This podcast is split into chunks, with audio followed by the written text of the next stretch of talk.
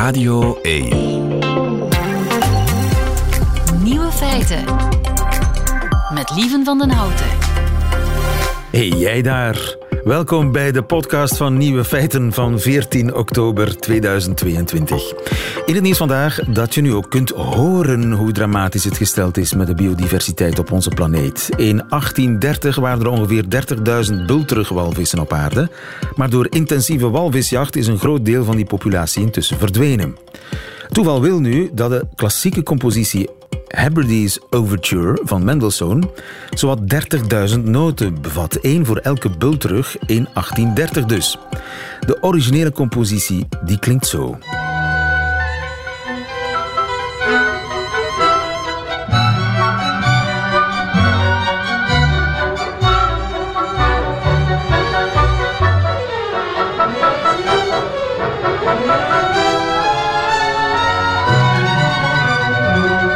Om te laten horen hoe dramatisch het gesteld is met de bultrugpopulatie, heeft een team van de Universiteit van Cambridge uit die originele compositie het grootste deel van de noten geschrapt.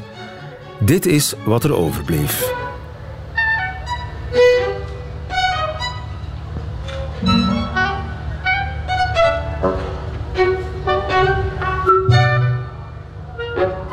Muzikanten spelen nog 1 op de 16 noten, wat ongeveer overeenkomt met de achteruitgang van de bultrugpopulatie.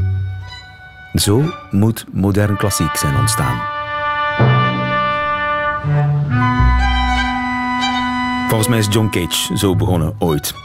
De andere nieuwe feiten vandaag. In alle stilte is Margreet Dolman, alter ego van cabaretier Paul Hanen, begonnen met een podcast die doet denken aan haar legendarische tv-programma's van 30 jaar geleden.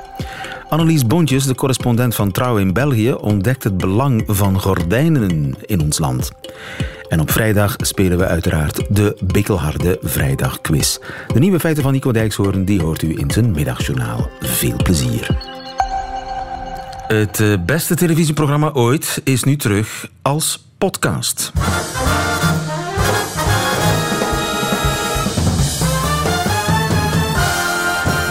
Nou, wat leuk dat jullie hier uh, zijn. Samen. Buster Fontijn, Buster ja. Fontijn en Bob Guttering. Ja. En misschien uh, is ja. het buiten wat lawaaiig, maar uh, daar trekken we ons niks aan. Bovendien is het een podcast, dus we zitten alle drie dicht in de microfoon. Ja, In, alle, in alle stilte bijna stiekem is Margreet Dolman anderhalve maand geleden begonnen met een podcast. Die heet Thuis bij Margreet Dolman. In haar keuken ontvangt ze diverse gasten. En uh, het is een podcast die sterk doet denken aan de legendarische televisieprogramma's die ze voor de VPRO maakte. Ruim 30 jaar geleden. Goedemiddag, Paul Hanen. Ja, goedemiddag. Paul, Hallo. De meeste mensen kennen jou als de stem van Bert in Sesamstraat, maar jij had ooit een talkshow op de televisie, waarvan je niet ja. alleen de presentator was, maar ook de gasten. Ja, uh, onder andere, we hadden ook wel uh, echte gasten, ook uh, schrijvers in het Juist, programma. En later ook voor Net 5 nog, samen met Dammy van Geest. Maar ook had ik als Margreet Dolman, Buster Fontijn en Bob Guttering... En, uh, Dominee Vreemdaad, hè? Raldi Kapoek, Emmy Kapoek. Ja. Alsof het gisteren was, uh, herinner ik mij die figuren. Uh, Margreet Dolman. Ja. Wie, wie is Margreet Dolman eigenlijk, voor de mensen die haar niet kennen? Het is een beetje ja, heel strijdbare vrouw, hè? Ja, het is een barricadevrouw met veel gevoel en ook wispelturig. het kan ineens uithalen en daarna weer heel lief zijn. En uh, ja, het is eigenlijk een afsplitsing uh, van mezelf. En dat vind ik ook, daarom hou ik het ook vol. Daarom vind ik het ook leuk om te doen. Als je zelf in een bepaalde stemming bent, dan kan je dat in de figuur van Dolman uh, uitvergroten. En dat heb ik nu eigenlijk, ik ben dus 46 jaar geleden begonnen bij de radio, bij Radio Amsterdam.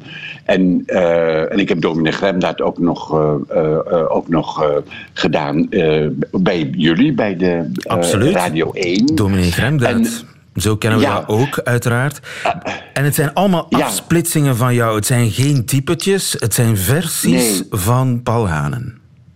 Ja, precies. En dat is ook het leuke. Uh, als ik uh, vroeger wat eenzaam was, dan liet ik Dolman al op het punt staan om aan het gas te gaan.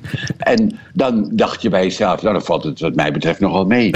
Wat schrijvers, schrijvers eigenlijk ook hebben, die uiten zich ook in het schrijven. Daarom vond ik toneelstukken schrijven ook zo mooi, omdat je dan je verplaatst in de figuren. Je zet je niet af tegen de figuren, Inderdaad. maar je verplaatst je in de figuren. Je maakt uh, ja, je, je creëert begrip uh, voor de figuren. Het zijn bijna romanfiguren eh, die je soms al bijna 50 jaar met je meedraagt. Figuren ja. die, die je zelf gecreëerd hebt en die dus ook een deel van jezelf zijn. Um, Buster Fontijn komt terug in de podcast. Wie is Buster Fontijn ook? Hij maakt een ongewassen indruk. Ja, hij is de zoon van de uh, ballerina Margot Fontijn. Oh. En Margot Fontijn, die was wereldberoemd eh, van Nederlandse afkomst. En, uh, ja, en, die, uh, en die heeft haar zoon verwaarloosd. Daarom is hij ook zwerver geworden. En ook wel gepusht om ook het ballet in te gaan. Ze heeft hem wel eens op een feest drie meter omhoog gegooid. En schreeuwde dan dansen kreng. En, ja, en dat heeft hij wel overleefd. Maar hij, heeft daar, hij is daar wel door geestelijk gewond geraakt. Ja. En dat speelt nu nog een rol. maar het leuke is, nu plaats ik hem ook bij, uh, uh, bij de actuele, in actuele situaties. Dus hij is nu ambtenaar geweest bij hoe heet het, Gadisha, Ariep, onze De omstreden kamer... kamervoorzitter. Ja, die te streng is geweest voor de ambtenaren.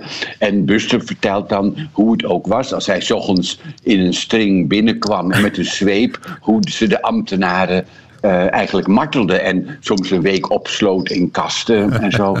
Dus om het ook een beetje satirisch te maken, dat we, daarom is het ook het leuke om nou die podcast te doen. Omdat je thuis schrijft, en dat vind ik al leuk om te doen. En tegelijkertijd verplaats je je in de figuren. En dan uh, neem je het uh, op gewoon met een mooie microfoon. Ja. En uh, een, een, uur later is het online. Dus ja. komt helemaal niemand meer bij kijken. Dus je bent eigenlijk Totaal een, een, een eenzame schrijver, ja. En ja, die figuren die brengen humor, nuance, bevrijding. Eigenlijk alles wat een mens nodig heeft om zich weer met het leven te verzoenen. Hè? Ik herinner mij, ja. toen, toen ik naar je televisieprogramma's keek, dat ik achteraf zo blij was en zo gelukkig. Ik kon er weer tegen. Oh ja. Ja, het werd ook in België uh, werd het ook uh, hoger gewaardeerd dan uh, in Nederland. Is dat zo? Guy Mortier, de hoofdredacteur van Humo, die vond het ook zo'n ontzettend leuk programma. Die hebben ook wel eens in de uitzending gehad. Maar in Nederland zagen ze niet eigenlijk het grensverleggende wat wij deden eigenlijk al met ons programma. Dat je ook een combinatie alleen, had. Ze zagen alleen de poppenkast. ze zagen niet ja. de diepere lagen die eronder zaten. Nee, en het was de combinatie, nou wat Lubach eigenlijk nu doet, uh, de combinatie van uh, satire, van scènes en van uh, wezenlijke informatie. Waar het inter eerste interview met Arthur Chapin ook zijn televisiedebuut maakte die bij ons. Ja. Maar ook Adriaan van Dis en ja, heel veel mensen ja. die waren bij ons. Nu, vandaag, meer dan 30 jaar later, gaat Margreet Dolman door met onverminderd enthousiasme. Dat is toch ongelooflijk, hè? Hoe, hoe onblusbaar die vrouw is. Nou, maar dat is ook, daar, daar, ben ik ook trots op. Dat is ook leuk. Dat, dat, dat mensen uh, wat, wat ze bij omroepen er ook aan doen om dingen eruit te gooien. Dat de techniek uh, ja, steunt.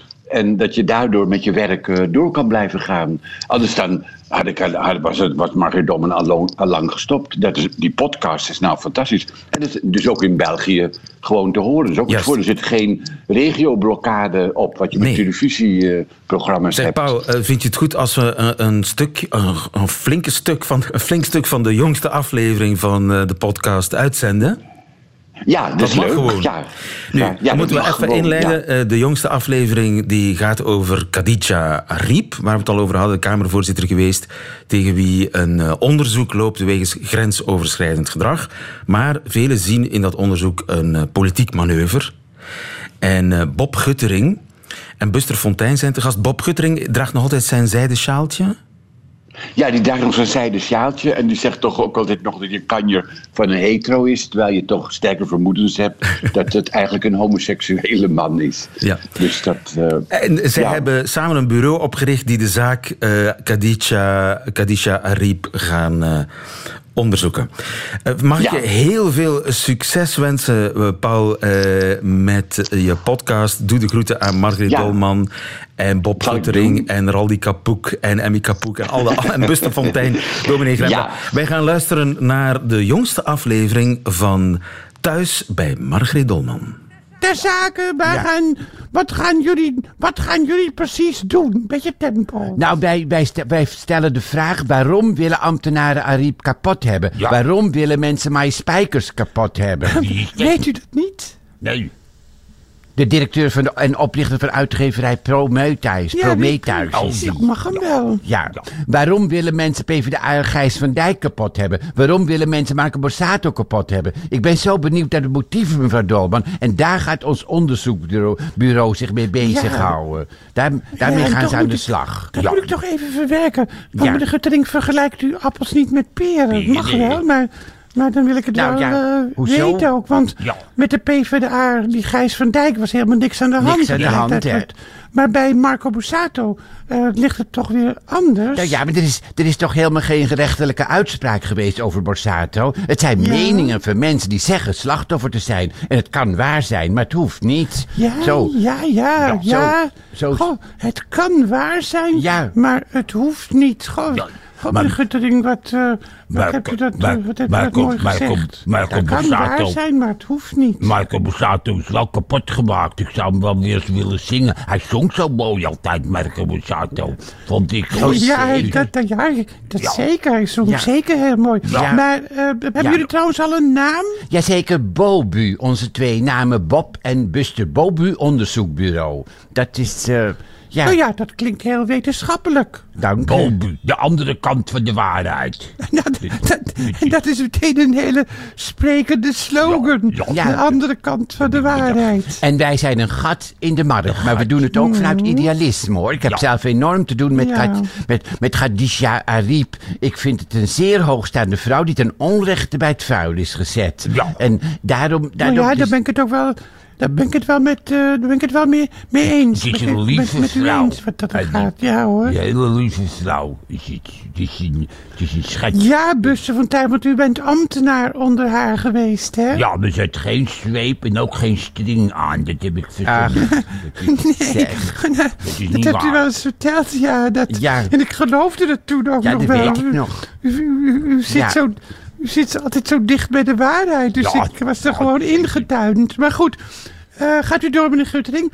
Eh, Nou, wat, wat, wat, wat, Ik, wat, wat, ik wat, wil, wat, wat, ik, wat mevrouw zijn uw plannen? ik wil weten waarom sommige ambtenaren haar kapot wilden hebben. Ja. In NRC had Hubert Smeets het al over een koep, Ja. volkomen terecht. De ambtenaren horen niet de baas te zijn, mevrouw Dolman, maar de Kamervoorzitter en de ministers. Een Kamervoorzitter hoeft zich niet aan te passen aan de ambtenaar, maar de ambtenaren wel aan de Kamervoorzitter. Ja. Dat is, zo Ja, zit ja, het, zo ja, zit daar ben ik het, eh, daar ben ik ja, het wel mee eens. zo ja. zit het in elkaar. En wat gaan jullie dan precies doen? Nou ja, wat ik zeg, naar de, mo- naar de, motieven, naar de motieven zoeken van een aanklacht. Als er dus sprake is van zogenaamd grensoverschrijdend gedrag, dan gaat ons bureau Bobu onderzoek. ja, onderzoeken wat voor mensen anoniem geklaagd hebben. En waarom? Mhm. Hebben ze nog een appeltje te schillen? Zijn ze in een aantal opzichten mislukt? Of is er werkelijk wat aan de hand? Mhm. We willen de nuance brengen met Bobu-onderzoek. Oh, dat, ja. is, Dat is dat, is, Ja. dat is wat we ja. willen. Ja, nu heeft ook weer, eh, heeft ook weer,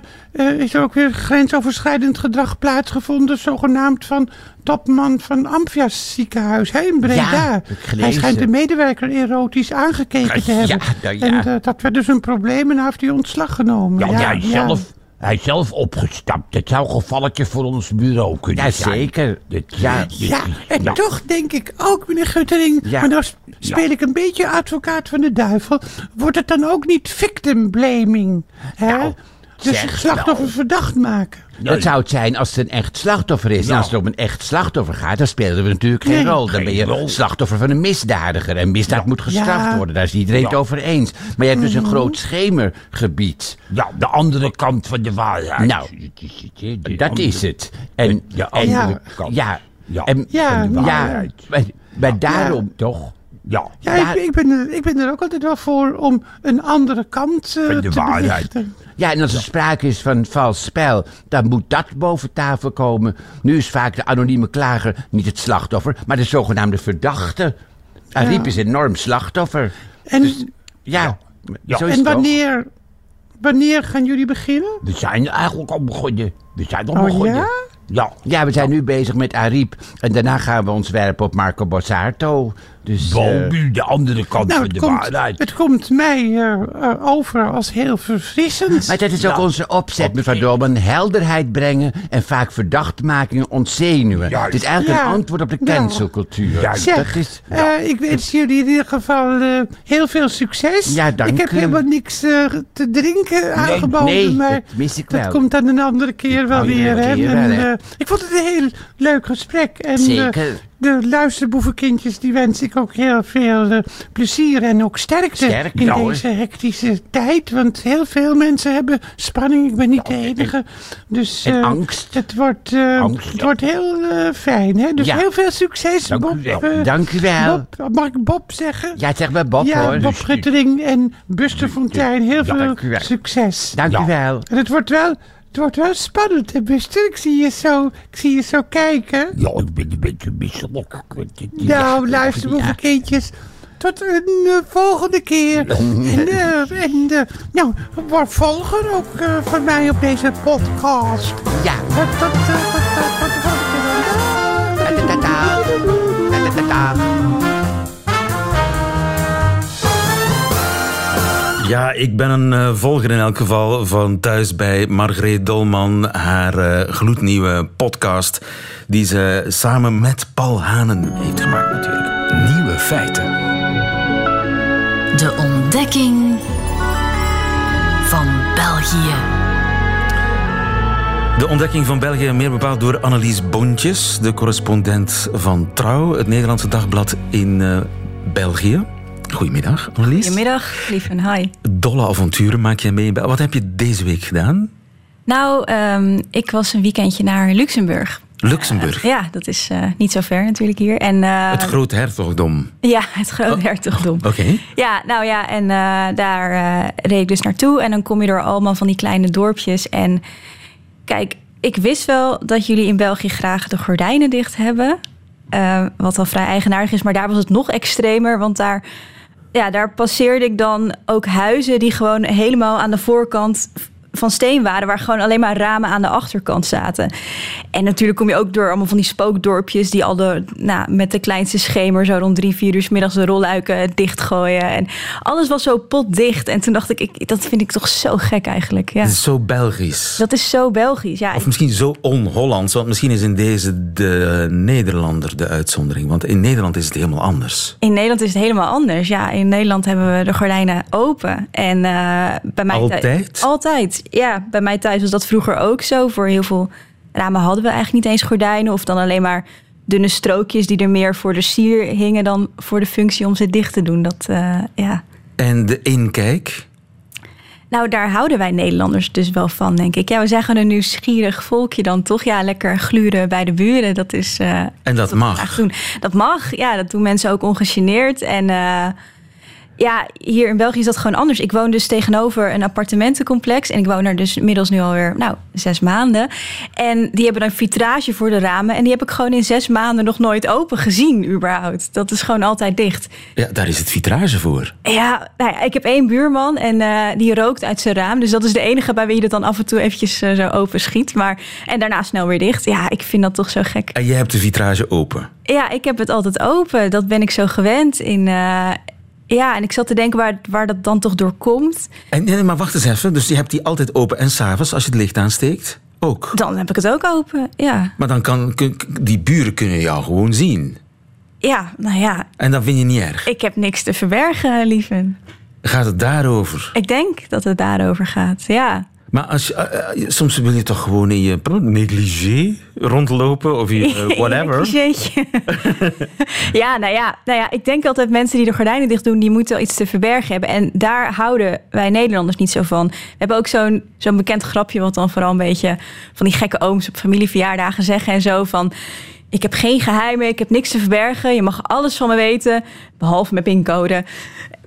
Ja, dat is Dat is gewoon... echt een Hollandse eh, grap. Ja, ik, nou ja, echt. sorry hiervoor, maar dat, Ja, dat is echt de humor moeten jullie misschien iets meer hebben dan wij. Maar nee, dat is wel echt iets wat bij Nederland hoort, denk ik. Gewoon niks te verbergen, alles open, lekker naar binnen gluren. Het stoort je niet als je in je onderbroek in je appartement loopt dat je buurman je kan zien. Nou, ja, Nee, nou... zeg het gewoon. Nou, het is nee. gewoon zo. Nee, Nee, ja, maar dan moet ik uitkijken. Want dan gaat iedereen straks bij mij langs het raam lopen om te kijken of dat echt zo is. we- j- jouw adres wordt niet gepubliceerd. Nee, dankjewel. ja, Maar je hebt, het gaat ook om de, ja, de voorgevels van de huizen. Bij ons is dat vaak een blinde muur. Of, of de twee ja, dat garagepoorten. is toch gek. Ja. Ja, dan hou je, ja, maar dan zit je zo opgesloten of zo. Kijk, die huizen zijn al vaak niet zo groot. En dan, Die huizen ja, keren zich van de straat weg, van de mensen, van de maatschappij weg eigenlijk. ja, Dat, dat, is, dat is het. dat is het. Heb, heb jij wel eens de gordijnen open? Of heb jij ook altijd alles dicht thuis? Eh, Ik heb, eh, Of heb je nog erger rolluiken? Ik heb geen rolluiken, Oké. eh, maar ik, ik woon in een begijnhof met een, met een, met een, ja, een muurtje voorbij de voortuin. Dus er kan sowieso niet binnengekeken worden bij mij. En dat vind je wel fijn. Dan. Vind ik eigenlijk wel fijn. ja, wat dat betreft ben ik, ben ik een, eh, een echte Vlaming. Maar dus deze week ontdekt aan de Belgen dat zij de gordijnen dicht houden. Ja. ja. Oké, Annelies eh, Bontjes, eh, ik weet eh, niet hoe het zit met je Vlaams. Dat gaan we nu checken.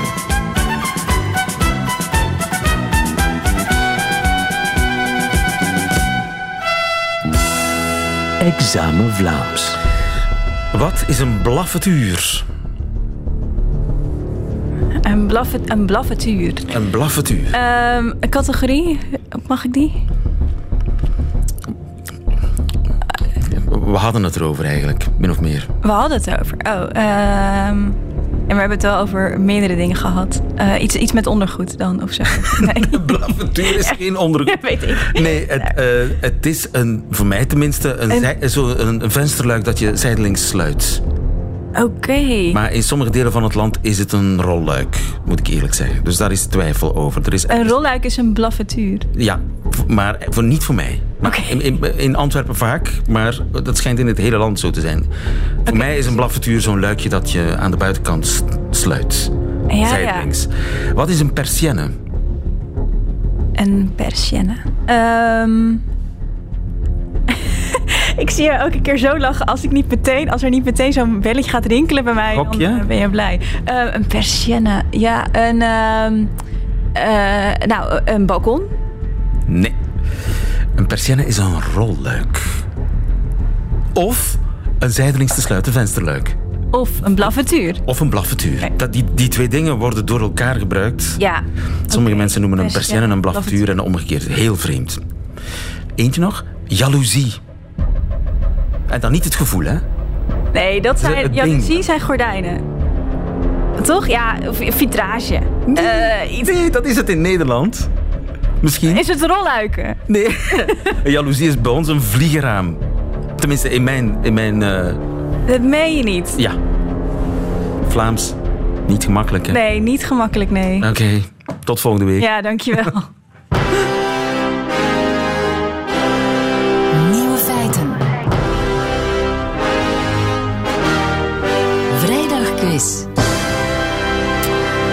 Genoeg gelachen. Eh, we spelen de bikkelharde vrijdagquiz met Gilles Wijkmans. Goedemiddag, Gilles. Hallo. Je hebt weer een bikkelharde quiz samengesteld. We spelen voor een boekenbon van 25 euro te verzilveren bij de onafhankelijke boekhandelaar. Aangesloten bij Confituur. We spelen onder meer met Ivar. Goedemiddag, Ivar. Goedemiddag. Ivar, wat was je aan het doen? Voor je besloot om mee te doen met de quiz? Mijn kind aan, het eten geven, maar eh, die ligt nu eventjes in het park. Dus die heeft gedaan met eten. In het park. Dat is ook een vraag die we ooit aan Annelies Bontjes moeten stellen. Is het waar? En hoe oud is je kindje? Ehm, acht maanden. Acht maanden, wat een schat. Je speelt tegen Anne, Anne Muilen. Goedemiddag. Goedemiddag. Anne, wat was jij aan het doen?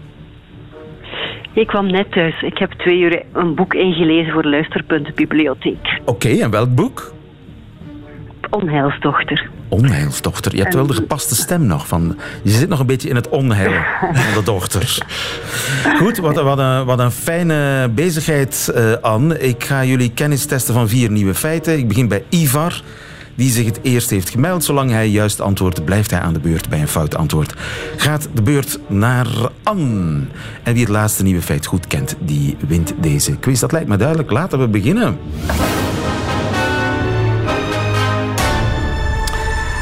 Ivar. Elon Musk heeft een parfum gemaakt. Hoe heet dat parfum? A. Oma's eten. B. Verbrand haar. C. Sportsokken. Ik denk verbrand haar. Allee, ik gok het, maar...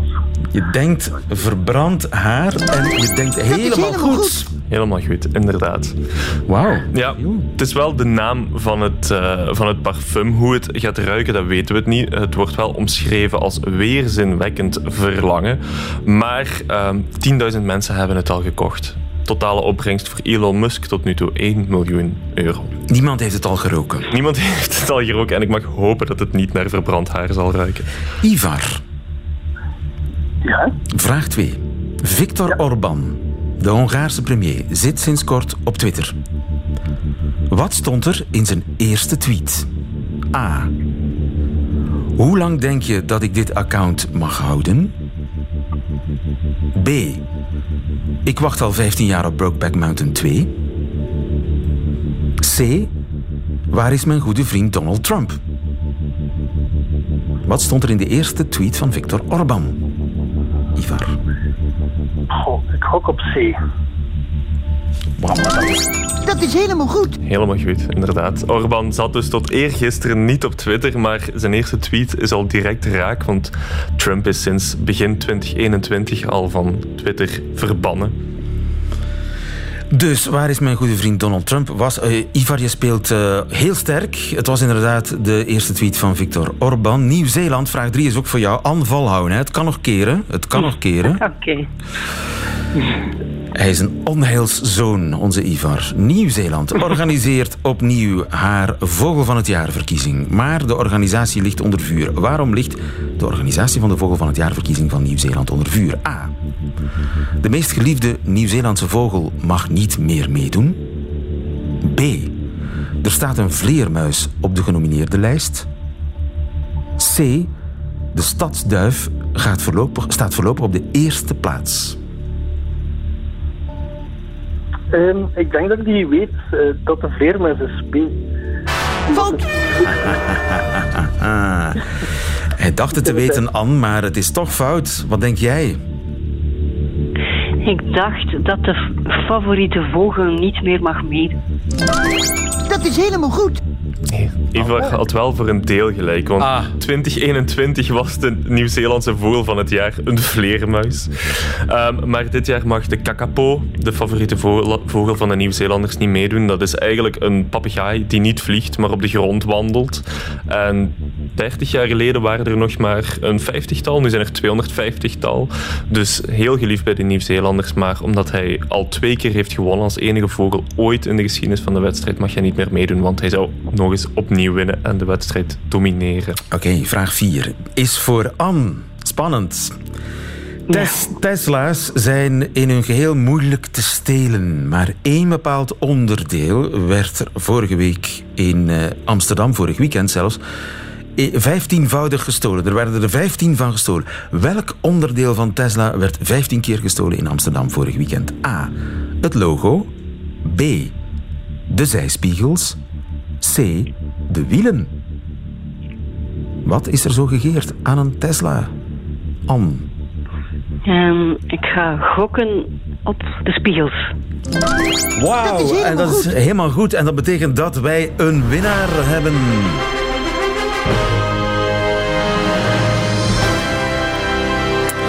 Ivar, je begon zeer goed, maar Anne heeft je verslagen. Het spijt me zeer, Ivar.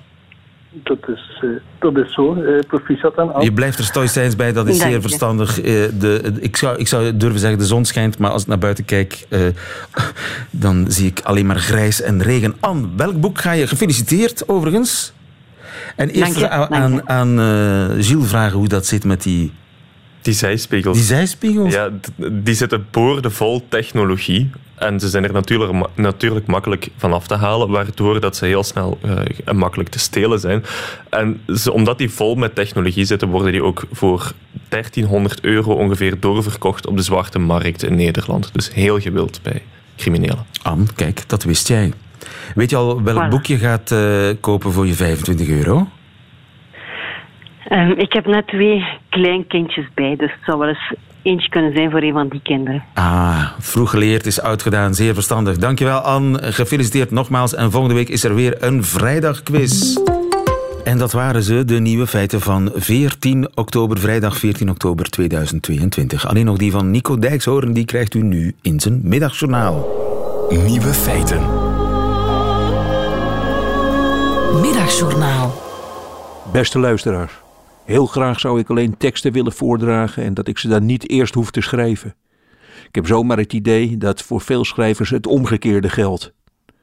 Lekker zeven jaar werken aan een gelaagde roman over een vage gebeurtenis in Zuid-Italië, dan onderzoek doen in Zuid-Italië, Italiaans eten, om in de sfeer te komen, twaalf verschillende versies schrijven, met een echt pennetje natuurlijk, want je bent een echte schrijver. Daarna alle manuscripten in een razernijaanval verbranden, opnieuw beginnen. En dat het daarna, tot je eigen stomme verbazing, opeens een romancyclus in zes delen blijkt te zijn over een oud vrouwtje in het noorden van Zweden. En tijdens die zeven jaar schrijven, steeds van het geld leven dat je partner verdient. Die hele romantische fase probeer ik te beperken tot een paar maanden schrijven. En daarom zullen ze van mijn boeken niet snel zeggen dat er een zekere gelaagdheid in zit. Ik heb helemaal geen tijd voor gelaagdheid. Wie een boek van mij koopt, krijgt één laag. Ik ben niet uw huisschilder. Voorlezen, wat ik nu op dit moment doe, dat vind ik wel heel erg fijn. Veel schrijvers vinden dat juist de hel. En dat weet ik, omdat ik twintig jaar in een bibliotheek werkte en bij elkaar iets van negentig verschillende schrijvers en schrijfsters heb zien voorlezen in onze bibliotheek. Luisteraars, ze bakten er helemaal niets van. Murmelaars waren het. Ze waren alleen verstaanbaar als ze dwars door de zaal heel hard om een nieuw glas wijn riepen en als ze vier minuten na de voordracht heel hard vlak voor de deur van de bibliotheek om een taxi stonden te schreeuwen. Al die schrijvers, zij maakten een denkfout. Ze hadden namelijk niet goed nagedacht over hun publiek. In de bibliotheek waren dat vaak arme mensen die geen geld hadden voor boeken. Ikzelf denk daar wel over na. Dit middagjournaal, wat ik nu voorlees, ik denk dan aan iemand die in zijn auto zit, in de file. En als die persoon deze tekst uitluistert, dan ben ik een gelukkig mens. Toch, luisteraars, ben ik zenuwachtig. Over twee weken lees ik voor in Antwerpen en ik heb geen idee hoe u als publiek bent. Ik weet niet of u stil zit of dat u juist heel bewegelijk bent. Ik neem een gitaar mee. Ik weet niet of u dat gek vindt. Maar luisteraars, één ding is zeker. Ik verheug mij erop eindelijk eens uw gezichten te zien. Fijn trouwens dat u dit tot het einde luisterde.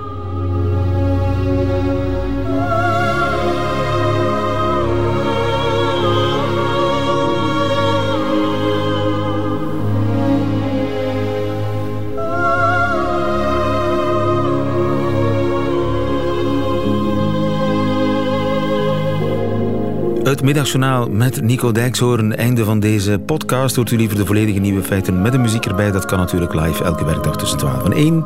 Op Radio 1 of on demand via de Radio 1 app of website. Tot een volgende keer.